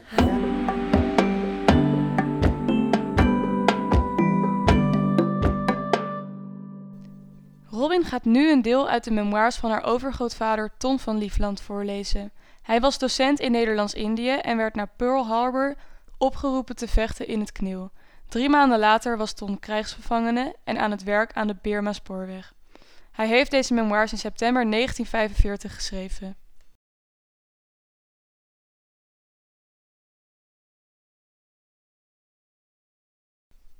Gewerkt moest er worden onder alle omstandigheden, want de opgegeven taak moest af. Het was dan ook geen uitzondering als sommige groepen pas avonds laat in het donker thuiskwamen. Bijvoorbeeld als je eens in een moeilijk terrein had moeten werken. In deze tijd zijn er ook verschillende ontvluchtingspogingen gedaan. Al deze mensen zijn echter na kortere of langere tijd opgepakt en werden dan geëxecuteerd. Een van de slachtoffers was een man met wie ik vaak op wacht heb gestaan in Kota Raja. Zelf ben ik ook nog indirect bij zo'n heftige geschiedenis betrokken geweest. Dat zat namelijk zo. Op een avond om een uur of half tien, we waren net van plan te gaan slapen, kwam onze tolk ons halen met een stuk of wat jappen. Ongeveer tien man werd die avond meegenomen naar de wacht. Een van de andere krijgsgevangenen was niet geweest op het avondappel en als ontsnapt genoteerd. Van ons dachten de jappen nu meer te weten te kunnen komen omtrent die ontvluchting. Hij bleek er vandoor te zijn gaan met nog twee anderen. We werden ondervraagd, maar niemand van ons wist iets van de ontvluchting van deze mensen af. We hebben toen 24 uur aan één stuk door in de houding moeten staan, terwijl we zowel aan de voorkant als achterkant goed in de gaten gehouden werden door de Japanse bewaking. Het was een ware marteling, en zodra je maar even je voet verzette of je handen bewoog, werd er geslagen. Er stonden zieken bij, malaria-patiënten met flinke koorts die bewusteloos tegen de grond gingen, maar dan met een trap door de jap weer bijgebracht werden. De nachten in dat kamp waren vrieskoud en er stonden mensen die alleen een broekje aan hadden en na een paar uur volkomen verstijd van de kou waren. De hele dag stonden we open en bloot in de tropenzon. En Finn, alles bij elkaar weer een staaltje van de verfijnde Japanse kwellingsmaatregelen. Vlak voor onze ogen werden een paar buurmanen aan een boom gebonden en daar zodanig afgeranseld dat ze bewusteloos in de touwen hingen. Maar daar werden ze al gauw weer bijgebracht, doordat ze een emmer water over het lichaam gegooid kregen. En dan zou de mishandeling weer verder gaan. En wij ondertussen maar bijna niet meer op de benen kunnen staan van vermoeidheid. De volgende avond om een uur of tien werden we eindelijk losgelaten. Een paar van ons moesten toen meteen het hospitaal in. In dat kamp hebben we meer dan vijf maanden gezeten. Toen was dat dijkgedeelte klaar en verhuisden we naar een volgende kamp. Zo'n mars was meestal een verschrikking en kwam je meestal uitgeput in zo'n nieuw kamp aan, waar dan gewoonlijk geen plaats voor je was. Zelfs hebben we het een keer meegemaakt dat we bij aankomst de hutten nog gedeeltelijk zelf moesten maken en in de eerste tijd zonder dakbedekking in de stromende regen lag. Ik zie nu geen kans om jullie een beeld op te hangen van de grote misère waarin zo'n kamp bijna altijd verkeerde bij onze aankomst.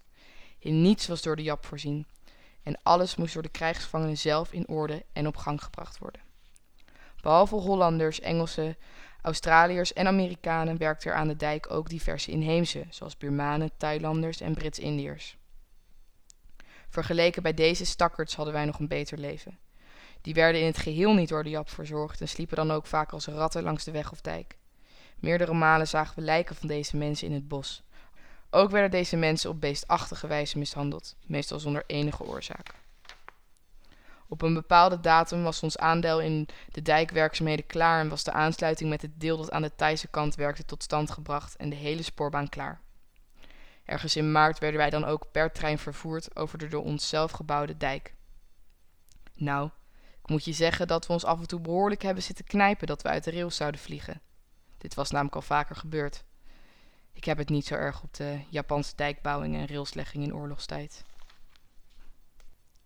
We gaan nu luisteren naar het verhaal van Ineke van Liefland, de dochter van Tom van Liefland. Ineke is mijn oma en is geboren op Sumatra in 1941, wat haar nu 79 jaar oud maakt. Mijn moeder was ook aanwezig bij dit gesprek en die vult zo hier en daar mijn oma een beetje aan. Ineke heeft het soms over Ruud en Han. Dit zijn haar oudere broers waarmee ze samen in Jappenkampen heeft gezeten. Oma begint met vertellen over haar herinnering met haar vader na de oorlog. Dat heb ik tenminste begrepen, is dat oma, dus mijn moeder, eh, wel wist dat er een boot aankwam in Sabang. Dat was dus toen het Oorlog afgelopen was. Ja. En, maar dat ze niet wisten of die er wel of niet bij zat. Dus in zoverre was dat dus ook niet hersteld eigenlijk, de correspondentie met daar en Indonesië. Nee. En dat... eh, Want toen werden alle eh, eh, krijgsgevangenen werden gerepatrieerd weer naar Sumatra. ja, En vanaf daar, en de- daar was elke boot was afwachten wie zit erop. En wat, wat het, dat zul je ook wel lezen in stukken enzovoort. Want mama heeft die hele ja, boeken allemaal van mensen die allemaal stukjes hebben gezegd. En dat is allemaal gebundeld. Dat eh, ik daar stond. En met mij meerdere kennelijk. Die zei van, tegen elke man die eraf kwam. Het waren alleen mannen die eraf kwamen. Van, ben jij mijn papi nou? Ben jij mijn papi? Ben jij, ja, wist ik veel. Ik bedoel, mijn vader heb ik nooit gezien. Ja, toen ik zo'n wurm was. Net geboren en toen weg natuurlijk.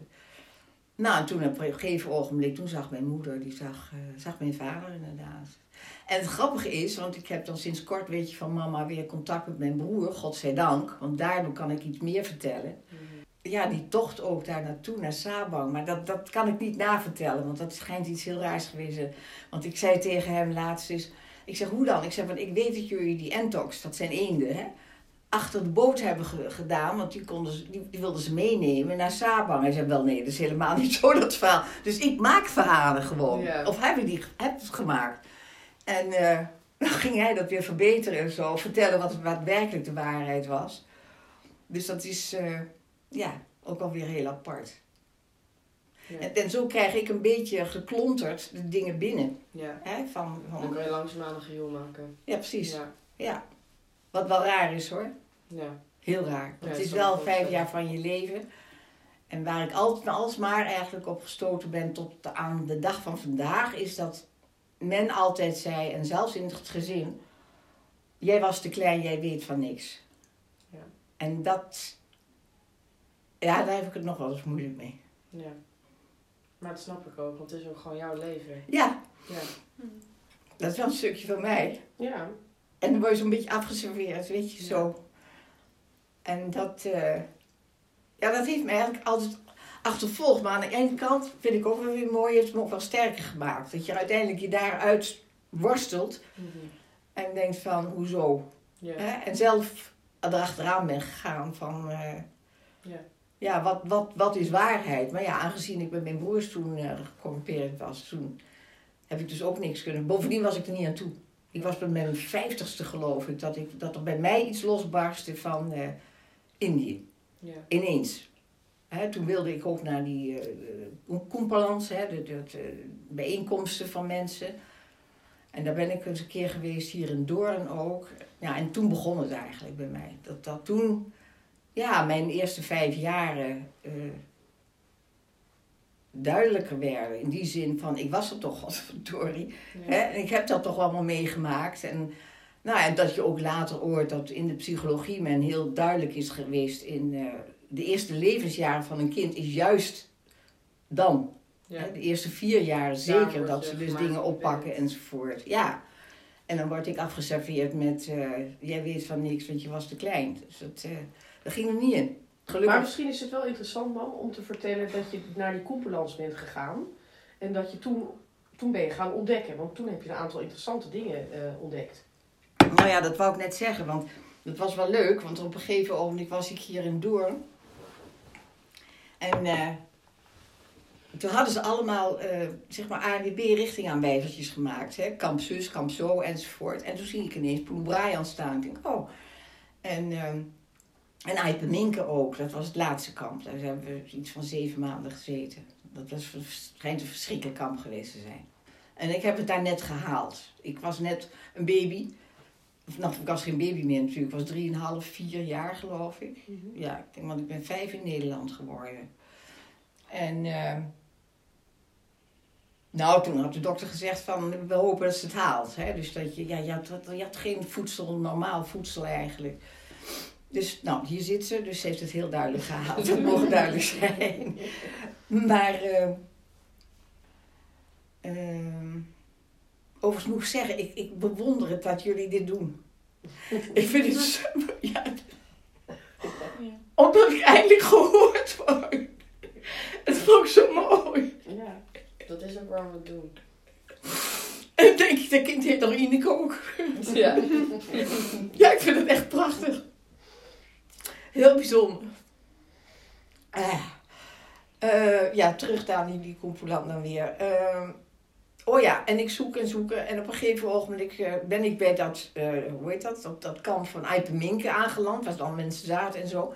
En toen was er een mevrouw, ik ben haar naam kwijt, want het geheugen is ook niet alles meer.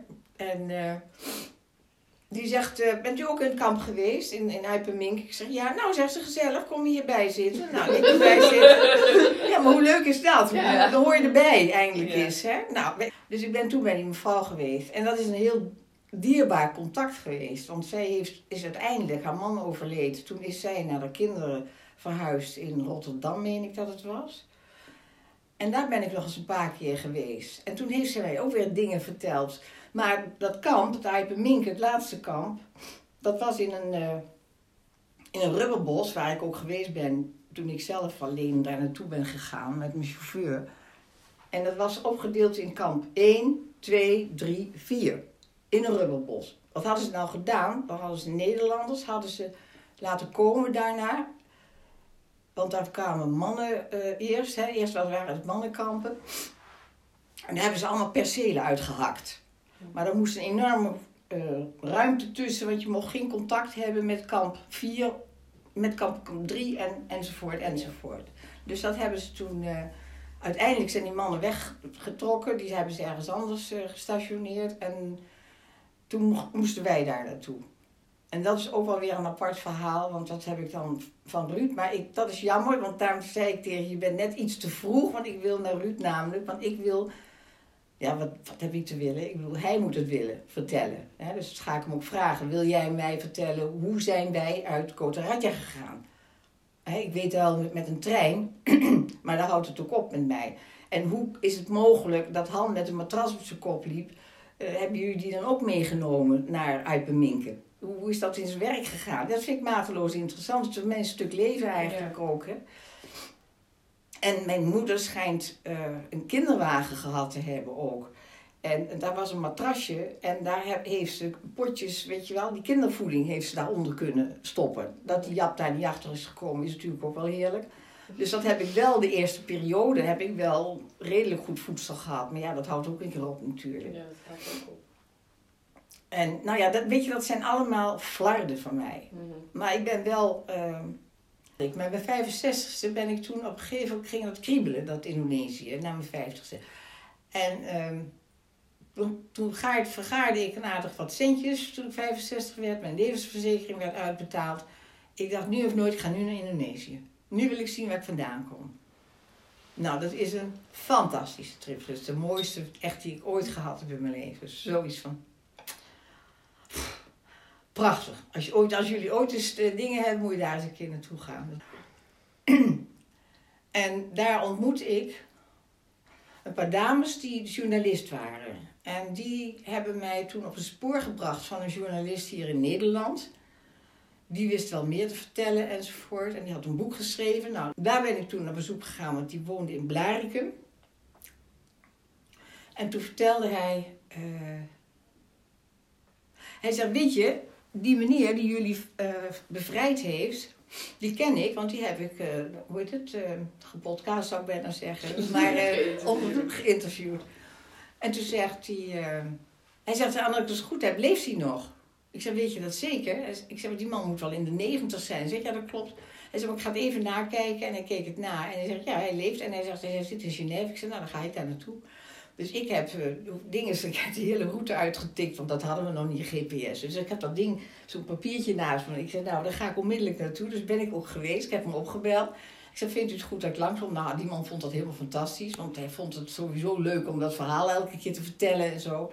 Hij was uh, sergeant, nee, wat was hij, luitenant, nog wat, weet ik. Ik ken die uh, gradaties niet in het leger. En... Nou, en hij vertelde dat hij, nou ons bevrijd is weer een ander verhaal. Het is, uh, nee, wij waren al bevrijd. Zo was het.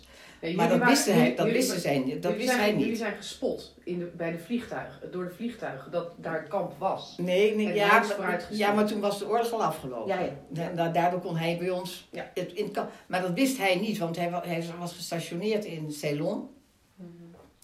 Oorlog was toen nog niet afgelopen, althans was niet binnengekomen dat nieuws in, in Ceylon. En hij heeft ehm, met drie mensen, een, een, een, een mechanicien of, of nou ja, iemand die de, hoe noem je dat? De, de, de telefoon, eh, hoe noem je ingenieur. ja, en een telefonist, nee, maar helemaal krammelakkig allemaal. Dus hij, zij hebben daar inderdaad over gezegd. En zijn gedropt. Maar die werden gedropt in, die, in dat rubberbos. Maar goed eind van ons vandaan. Dus die, en die waren bang voor die Jap.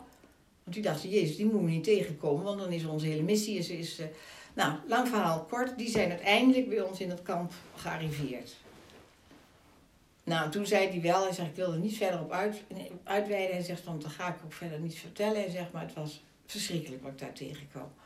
Hoe die mensen, die vrouwen en die kinderen eruit zagen. En eh, nou ja, klaar. En dat was ook, dat klopte dan ook wel, dat, dat, men, dat ze later aan mij vertelde dus, dat het bij mij ook kantje boord is geweest. Maar hij heeft er wel voor gezorgd, Sisselaar heette die meneer. Sergeant, major of Major, luitenant, weet ik veel wat. Sisselaar, dat vergeet je dus ook nooit meer. En, eh, oh ja, en wat een mooi verhaal daarvan was, die vrouwen die hadden alleen maar die Jap gezien natuurlijk in dat kamp. En daar komt een blonde Nou ja, geweldig. Dus die vrouwen zaten allemaal van... Wow! Die kikkerden helemaal op van al. En die man alleen al. Vertelde die ook in kleur en geur, hè. Zo oud als die was. Ja, die man was ruim in de negentig. Ja, ener. Dat was echt een, een Dionys. Ja, prachtig. Dus hij zegt maar, wij, wij konden jullie dus nog niet transporteren naar Medan.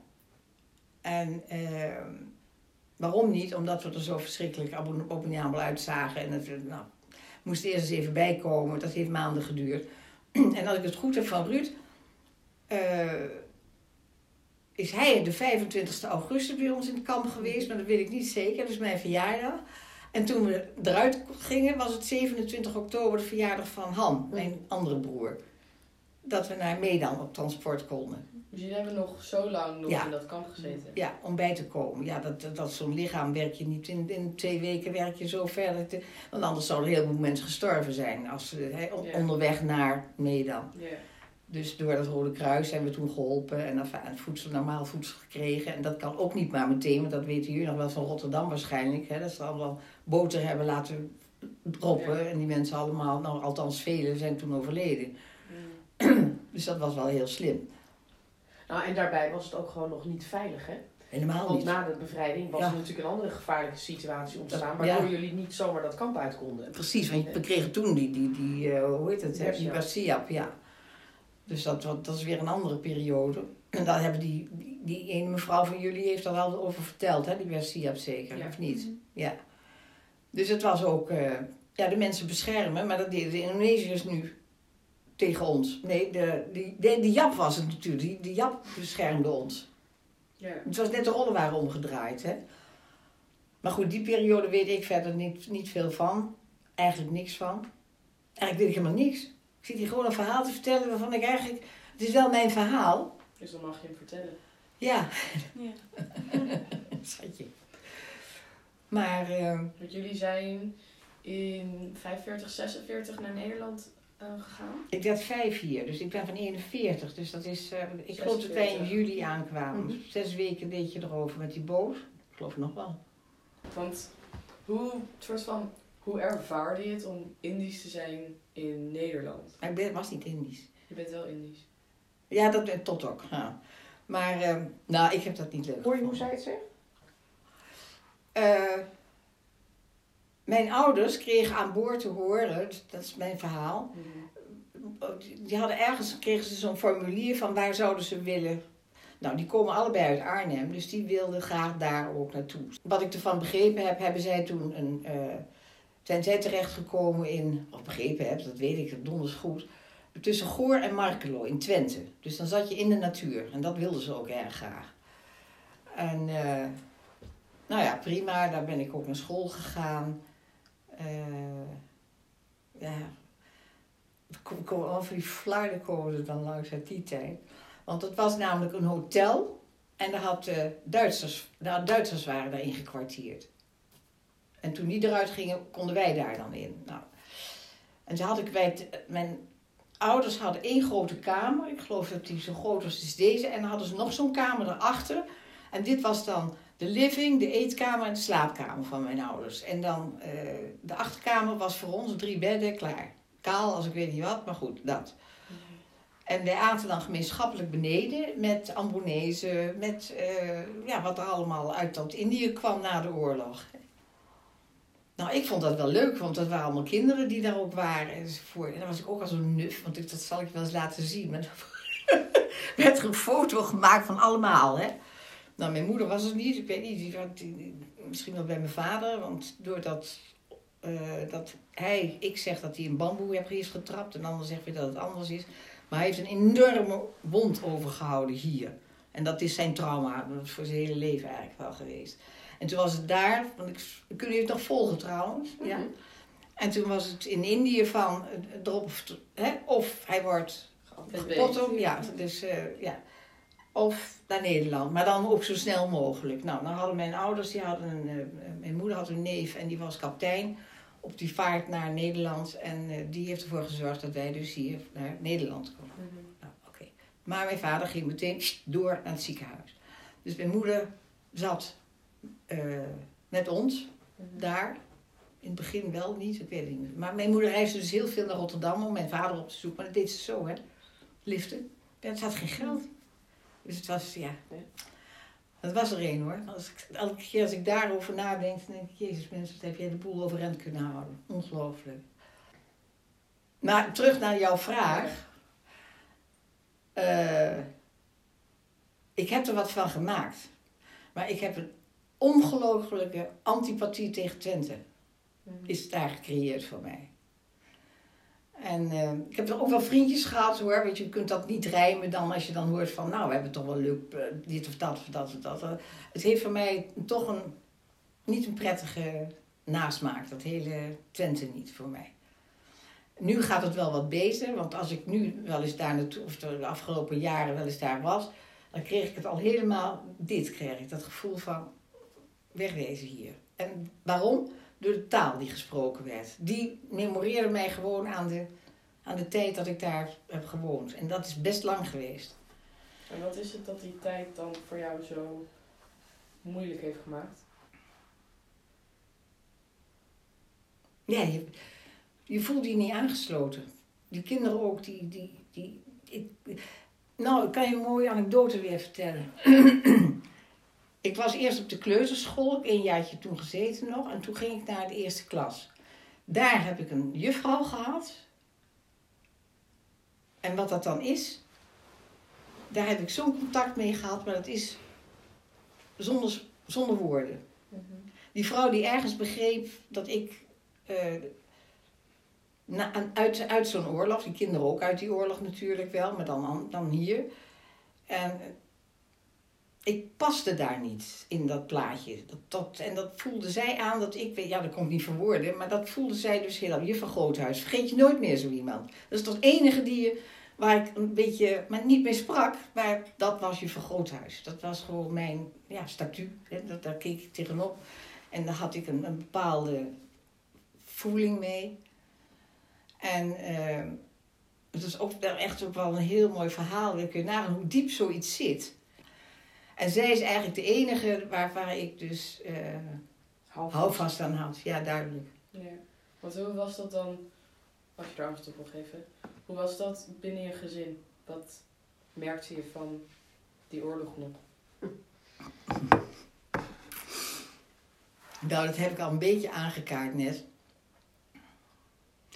Ik heb het gevoel gehad dat ik niet echt meedeed mhm. in het gezin omdat ik te klein was en niks had meegemaakt. Of nou ja, dat sla je niet op of iets dergelijks.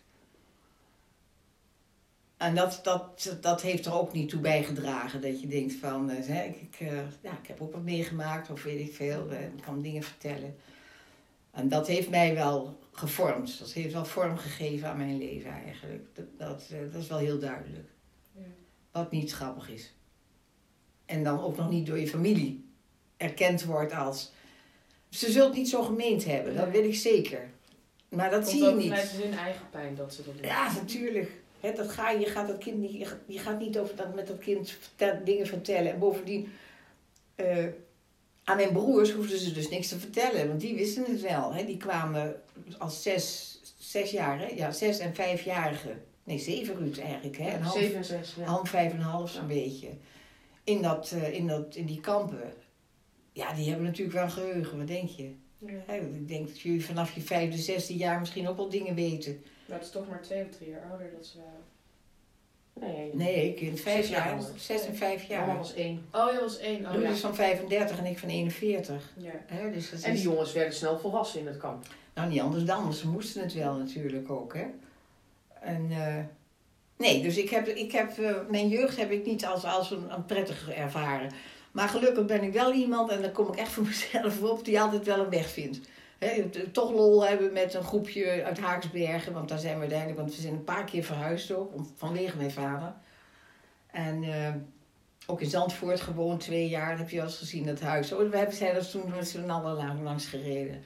Nou, dat vond opa het ook weer niet zo leuk, want... eh, dan niet zo leuk, ik kreeg weer een inzi- inzinking, want hij ging echt zo, hè, elke keer. Wat bedoel je daarmee? Oh ja, ehm nou, zum Himmel hoogjacht en zum Tode betrübt, zeggen ze wel eens. En dat is dan op, eh, mooi hè? Vind je Ja. dat niet mooi? ja, Hij was manisch, man. Dat snappen ze. ja, Ja. behoorlijk. Ja. Die, eh, nou ja, wat ik zeg, hè, dit, dat, hij had hele goede momenten hoor. En dan, dan, als het mis was, was het ook goed mis. En ehm, dus die zat in het onderwijs hier in Nederland dus ook wel weer. Is ook wel weer ziek geweest en zo. Weer een poos eruit. En vandaar dat we toen van Zandvoort naar hoe gingen. Naar eh, Haaksbergen werd het toen. En mijn moeder, die, moest, die gaf pianolessen. En dat was natuurlijk wel leuk, hè, in die zin, maar er was eigenlijk ook geen bal aan. Want als ik uit school kwam, dan zat mijn moeder met een leerling daar achter het klavier. Dus ik zorgde dat ik zo gauw mogelijk wegging. En dan ging ik naar een vriendinnetje toe. Dus ik vond dat niet, ja, dat heb ik nooit leuk gevonden. Dus het is voor mij ook niet, dat, misschien is dat ook wel een stukje Twente hoor. En, en ook een stukje er niet bij horen gevoel. Alhoewel ik wel vrienden heb gemaakt daar. Ja, dat was mooi. Maar wat ik dan wel gek vind, is dat je dus wel vriendjes en vriendinnetjes had in Twente, maar dat je nog altijd een heel onbehagelijk gevoel daar kreeg. Is dat dan, komt dat dan meer vanuit de volwassenen of gewoon dat, dat je je niet gehoord voelde? Ook Dat- door je vriendjes en vriendinnetjes niet? Die kinderen. Je praat er nergens meer over, kind. Du moment dat je hier binnenkwam, had je al geen verhaal, kon je het niet je- wat kwijt. je moet vertellen is de opkamer en dat je zo chic was en dingen. Terwijl Oh je dat helemaal god, niet ja. was. Of dat- Dat, het wel- je moet even bedenken dat Twente, maar dat moet je maar even in je eigen woorden vertellen, is een, is een, is het platteland, hè? Pas Is naar Boeren, hè? Die praten zo. En nou ja, je weet het van Drenthe. Ehm, en dan, kwam er en ook dan niet komen die exoten komen binnen. Ja. Nou, Ja, dat is, dat, is wel goed dat je dat zo aanhaalt, inderdaad. want dat is het. Ja, dat was het Daarom inderdaad wel. taal ook zo. Want dat is Twente al lang niet meer. Hè? Ik bedoel, nou ja, jullie hebben het Drenthe en dat is Drenthe dat is ook niet meer wat het toen was. Badje. En ehm, ja, dat, dat, dat, dat zeg je goed. Dan ben ik het even kwijt weer. Omdat je toch maar doorgaat in het leven en dan zuip je dat weg. Ja, je werd. Ja, weet je, daar was heel duidelijk van. Wij hebben, dat zeggen ze tegenwoordig, hè, wij hebben de oorlog meegemaakt en dat van jullie, jullie hebben lekker warm gezeten daar. Was wel goed zo. Weet je, dat, dat, dat in, in, in kort gezegd. Dus. Maar nee, we werden daar inderdaad niet eh, geaccepteerd, dat klopt wel. Maar ja, weet je, en als je, als je het dan over mijn moeder hebt bijvoorbeeld, is het een enorme krachtsvrouw.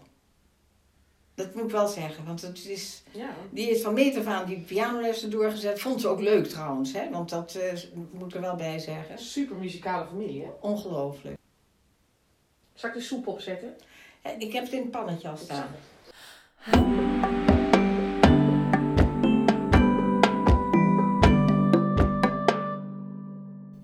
Terima kasih voor het luisteren.